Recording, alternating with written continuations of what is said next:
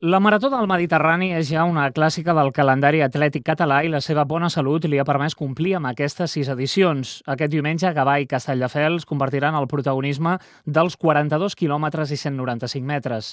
Per afavorir la participació a la Marató, que encara és una distància que genera molt respecte entre els corredors, es podrà participar a la prova i disputar o bé la mitja marató o bé els 10 quilòmetres, distàncies més assequibles entre els corredors populars.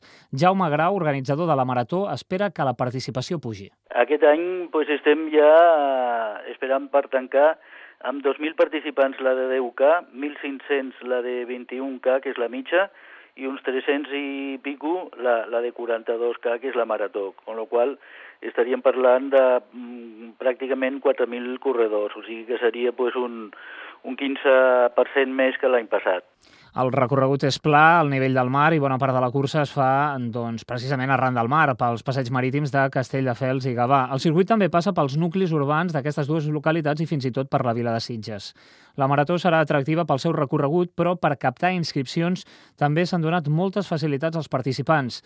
Jaume Grau explica les facilitats que tindran. És molt a prop de Barcelona, està dins de, de l'àrea metropolitana de Barcelona, Eh, donem també un tíquet de Renfe gratuït per anar i tornar del Canal Olímpic i a més i més doncs, la sortida i l'arribada és al Canal Olímpic que té moltes comoditats perquè donem massatges, hi ha guardarroba, hi ha, hi ha banys, hi ha dutxes, tenim un pàrquing al costat eh, que està molt a prop per tant, un dels eixos d'aquesta marató serà el Canal Olímpic de Castelldefels. L'hora de sortides a les 9 del matí. La classificació estarà dividida per gèneres i per edats.